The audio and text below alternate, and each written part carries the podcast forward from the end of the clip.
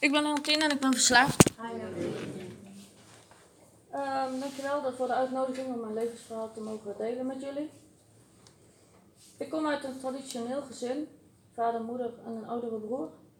Ik ben geboren in Uden. Mijn vader was projectingenieur en werkte internationaal, waardoor hij vaak voor langere tijd weg was in het buitenland. Waardoor mijn, vaker, mijn moeder vaak de zorg voor mij en mijn broer alleen moest doen. Um, mijn moeder ging pas werken zodra we allebei naar de middelbare school gingen. En als mijn vader lang van huis was, werd er wel elke avond even naar huis gebeld om even ons te kunnen horen. Ik miste mijn vader heel erg veel als hij weg was. Hierdoor heeft mijn moeder een groot deel van de zorg alleen moeten doen. En hoe ouder ik werd, hoe opstandiger ik werd naar mijn ouders. Ik werd in de opvoeding heel erg strak en erg klein gehouden. Ik mocht geen nee zeggen. Huilen mocht ik niet. Als ik niet luisterde, kreeg ik een harde klap. En ik moest doen wat ze zeiden. Ik mocht vaak niet meespelen met vriendjes en vriendinnetjes, terwijl ik deze wel veel had toen ik jong was. Ik speelde heel graag buiten en het liefst speelde ik mee met de jongens. Ik deed graag mee voetballen, spelen met autootjes, boompje klimmen, oorlogjes spelen of mee fietscrossen. Ik was echt nergens bang voor en ik hield van avontuur. Op de basisschool kwamen ze er in groep 3 achter dat ik een leerachterstand te rekenen had. Ik moest naar een andere school voor moeilijk lerende kinderen. Ik moest weg uit mijn veilige omgeving, weg van vriendjes, vriendinnetjes en ook van mijn broer, die daar ook op school zat. Ik begon daar in groep 4 en moest groep 7 overdoen. Omdat ik anders één jaar te vroeg van school af zou gaan. Maar de leraar van groep 7 die mocht ik helemaal niet. Ik lag vaak met hem overhoop. Hij heeft mij zelfs een keer in de kast gestopt zodat ik weer zou gaan luisteren en tot rust zou komen. Wat natuurlijk voor mij averechts werkte. En voor mij alleen nog maar uh, meer uh, onrust teweegbracht. Mogelijk daarom dat ik nu ook nog steeds bang ben voor kleine ruimtes. Dan raak ik in paniek. Na de basisschool in 1994 ging ik naar het VBO. Al mijn lessen deed ik daar op A-niveau en behaalde in 1998 mijn diploma verzorging. Op deze school had ik een klein groepje aan vrienden. Ik werd hier heel vaak gepest, omdat ik toen last had van puistjes en werd vaak uitgescholden voor puistenkop en ook buiten gesloten in de klas. Ik wou al graag met dieren werken en hier dan ook in gaan leren, maar mijn ouders zeiden me altijd dat hier weinig werk in te vinden was en het beter was om iets anders te gaan doen. Ik was jong en luisterde naar wat zij mij zeiden.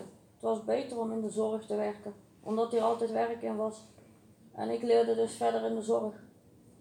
Hoe saai ik dit ook vond en hoe graag ik ook in de dierenwereld wil werken.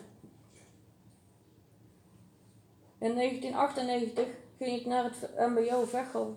Zat daar tot 2006 op school.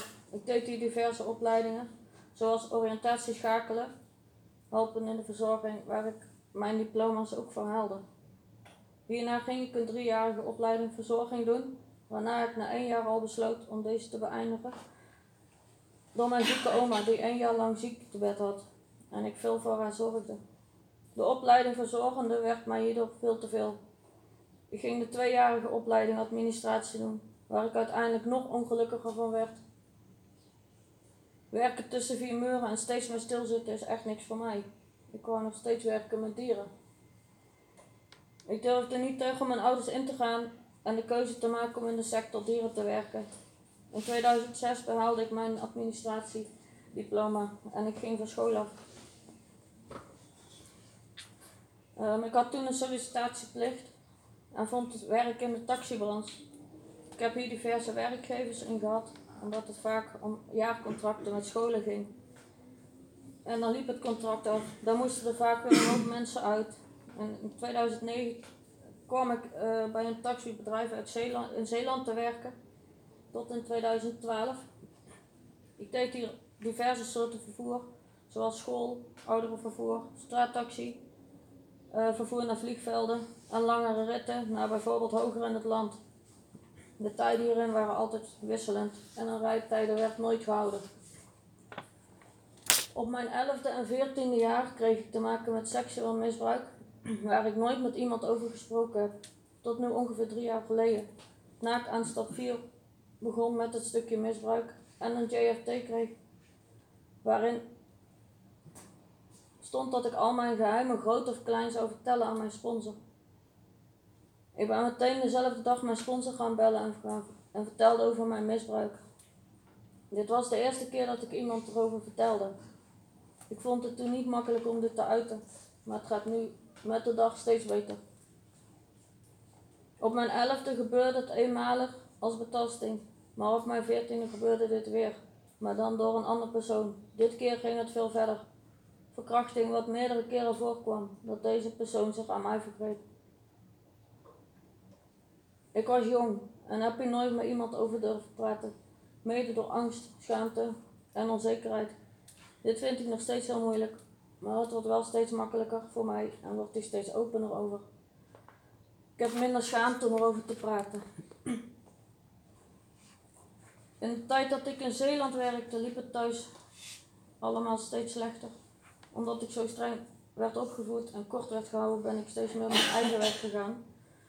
Ik had vaak aangegeven dat ze mij los moesten laten, of mij niet zo moesten bemoederen, fouten moesten laten maken, mijn eigen weg moesten laten gaan. En dat ik wel van mij liet horen als ik hulp nodig had. Hier werd nooit naar geluisterd. Over gevoelens en emoties werd bij ons thuis nooit gepraat. En durfde mij dus ook niet te uiten als ik ergens mee zat. Ik kreeg thuis steeds meer ruzies. Ik kreeg harde woorden, maar ook slaande ruzies. Hier is regelmatig politie bij moeten komen. En ik voelde me thuis steeds minder fijn en geliefd ten opzichte van mijn ouders. In 2010 had ik er genoeg van. Na een slaande ruzie met mijn ouders en liep weg van huis. Ik had op de taxi een stelletje leren kennen waar ik goed mee op kon schieten. Zij wisten van mijn problemen. Maar zij had borderline en zat daardoor vaak in gedwongen opname. Ik belde hun die avond op en zij kwam mij ophalen en ik zou daar voor één nacht verblijven. Maar één nacht, dat werd uiteindelijk tien maanden. Heel af en toe kwam ik thuis bij mijn ouders. Maar zij kwamen erachter waar ik verbleef, maar ik ging, maar, ik ging niet terug. Ik wist dat zij beide aan de middelen zaten. En ik had eigenlijk altijd gedacht dat ik nooit zelf te gaan doen. Bij hen thuis voelde ik mij veilig en zat er op mijn plaats. Zij was vaak werken. Wij werkten minder uren, waardoor we vaak alleen thuis waren en we kregen een relatie. Ik dacht dat het echt uit liefde was, maar voor hem was het alleen maar voor de seks. Wat ik zelf eigenlijk nooit door had gehad, of misschien niet eens in wou zien. Op een dag vroeg hij mij of ik ook eens een middel wou proberen. Die eerste keer, dat voelde zo goed dat het niet bij één keer bleef. Het gebeurde steeds vaker. Alleen bleef het niet meer alleen bij dat middel. Er kwamen meerdere middelen bij. We gingen zelf dealen in diverse middelen. En ik kon goedkoop check aankomen, die we dan ook weer voor hogere prijs konden verkopen. Op deze manier konden wij weer aan geld komen. We hadden vaak seks tijdens gebruik, hoe meer hoe beter. Dat wist hij ook heel goed. En er was dan ook echt geen schaamte over hem, of wat dan ook. Hij wist goed dat hij mij kon krijgen, voor wat hij zelf ook maar wilde, en waren overal voor in. Hij had me echt totaal in zijn macht. Zolang ik maar kon gebruiken. Uiteindelijk kwam het zover, zover dat hij me voor de webcam plaatste terwijl hij toekeek. Of, of seks moest hebben met hem samen, of alleen met andere stellen of mannen. Hij stuurde mij alleen op pad om drugs te halen, maar ik kreeg wel geld mee. Maar we hoorden daar dat de deels in natura betaald moest worden, anders ook geen drugs. Dit hadden zij zo afgesproken. Maar ik als kleine vrouw, ik durfde er echt niet tegen in te gaan. Ik kon niet terugkomen zonder drugs. Als ik namelijk niet naar hem luisterde, werd ik geslagen. Laat staan als ik zonder drugs thuis kwam. Wat zou er dan gebeuren? Duidelijk zette hij mij op straat. En dan kon ik alleen op mijn weg terug naar mijn ouders. Dus ik deed wat ik moest doen en mijn angst voor hem werd alleen maar groter. Ik moest vaak werken terwijl ik flink had gebruikt. Ik zag nooit in wat er had kunnen gebeuren met mij en de passagiers. Tijdens mijn werk was ik vaak ziek. Verzon smoesjes om niet te hoeven werken, zodat ik kon gebruiken en tijd met hem samen had. Mijn, mijn obsessie voor hem werd steeds erger. Zij was veel werken of zat, zij was nog veel werken of zat in gedwongen opname. Waardoor wij alle kansen samen hadden. We gingen naar de Kama Sutra waar ik ook veel dingen heb moeten doen. Bezochten sexshops om daar van alles te halen enzovoort enzovoort.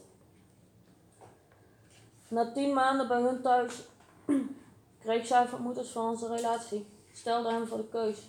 Ik eruit of zij ging bij hem weg. En toen moest ik eruit. Met lood in mijn schoenen ging ik terug naar mijn ouders, waarin ik, waar ik een paar, een paar weken verbleef. Nu was het steeds moeilijker voor mij om daar te gebruiken, maar het ging wel gewoon door. Ik was een stille gebruiker en wist het vaak te verdoezelen. Mijn ouders zagen helemaal niks aan mij. Ik kreeg een appartementje in Ida. Gelukkig weg van mijn ouders. Ik had toen nog veel geld op mijn rekening en had heel veel voor het stel betaald waar ik in huis zat, omdat zij veel schulden hadden. Totaal zo'n 1000 euro die ik terug zou krijgen. Maar ik heb er natuurlijk nooit meer iets van teruggezien. Ik hield hem uit de gevangenis door zijn schuld te betalen, betaalde de operatie van de hond enzovoorts. Hierdoor stond ik regelmatig in de min op mijn bankrekening, maar mijn ouders die schuifden mij toch wel wat geld toe, zodat die min weer uitkwam. Toen ik in mijn appartementje woonde, toen zag ik hem nog wel, maar het werd wel al steeds minder. Zij verhuisde.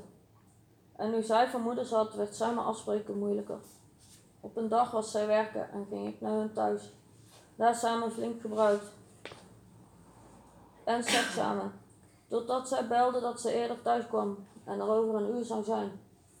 Ik was alleen net die keer heel erg ziek geworden van het gebruik. Ik moest daar weg en hoe ziek ik ook was. In mijn auto mocht ik terug naar Uden, maar kwam niet verder dan twee straten verderop.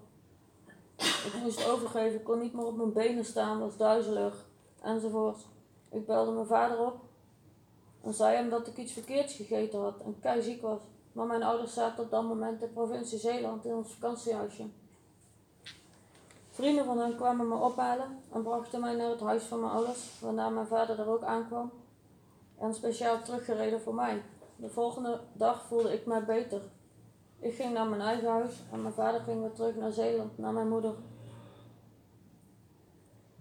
In 2014 kwam ik thuis te zitten met een burn-out.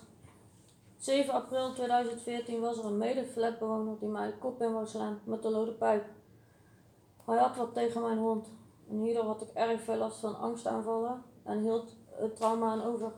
Vandaag de dag kan ik hier gelukkig steeds beter mee omgaan. Alleen vergeten zal ik het echt nooit doen. De mensen waar ik in huis woonde zag ik nog maar zelden. Um, er kwam zwaar Red Bull bij kijken. Zo'n 17 blikjes per dag. Zware agressiviteit.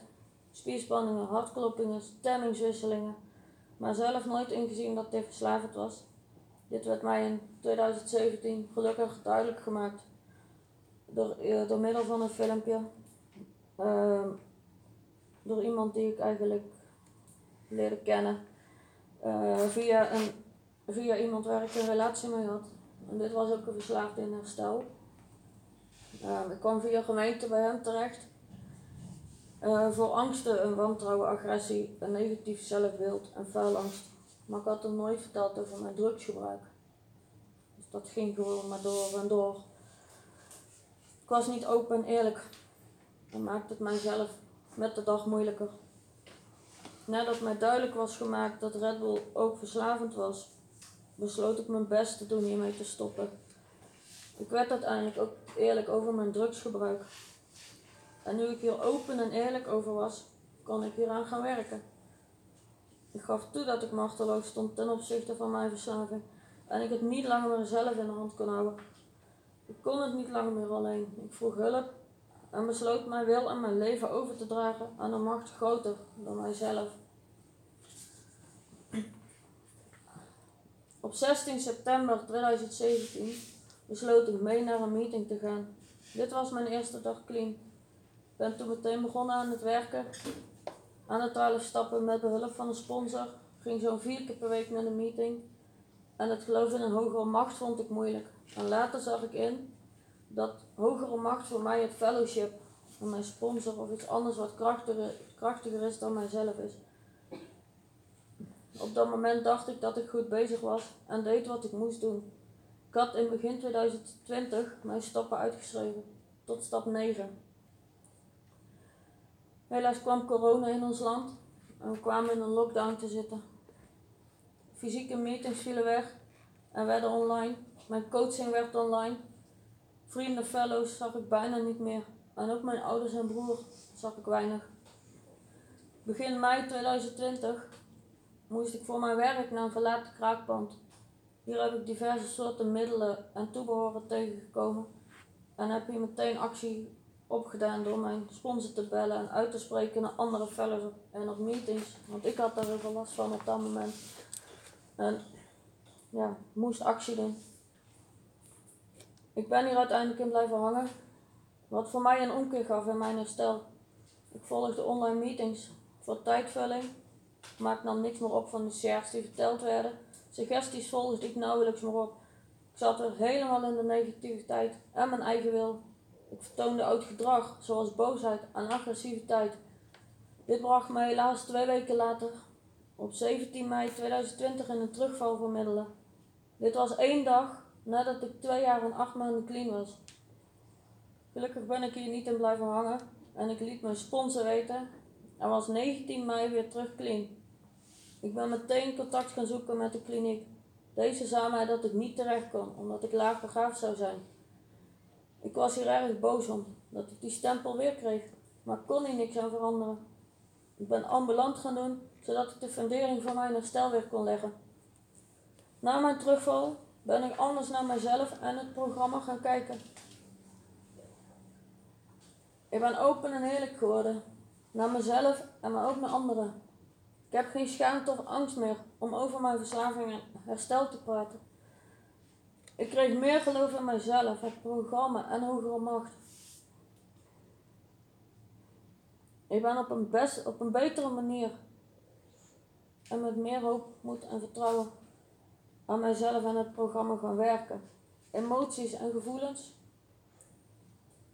kan ik steeds beter mee omgaan. Ik loop er niet meer voor weg, maar ik laat ze er nu zijn. Ik ben mijn stappen opnieuw gaan schrijven. Ik merk dat ik het nu veel beter tot mij laat komen. Ik ben nu weer tot met stap 4 gekomen en mag nu aan stap 5 beginnen. Daarom is het ook wel heel mooi dat ik dit verhaal kan vertellen aan jullie. Ja, clean. Stap 5 beginnen. Ik kan meteen delen op een meeting. Ja, dat vind ik gewoon echt super. Dus dat doet gewoon echt goed. Um, na zes maanden clean vertelde ik aan mijn ouders dat ik verslaafd was. Met behulp van mijn sponsor. Ik deed hier alleen heel veel pijn en verdriet mee. Ik kan die tijd niet meer terugdraaien. Wel kan ik het nu beter gaan doen dan dat ik deed. Ik kan de juiste acties doen als ik het moeilijk heb. Ik zou er elke dag aan moeten blijven werken en onthouden waar ik vandaan kom en niet meer naar terug wil of zou moeten gaan. Nogmaals, ik ben clean. Ik hoef het nooit meer alleen te doen. Ik mag en kan hulp vragen aan mijn sponsor en fellows. Ik werk aan de 12 stappen. Ik leer nu eigen keuze te maken. Ik leer voor mijzelf te kiezen en mijzelf op nummer 1 te zetten. Ik blijf er nu voor vechten om clean te blijven en door te gaan met wat ik nu doe.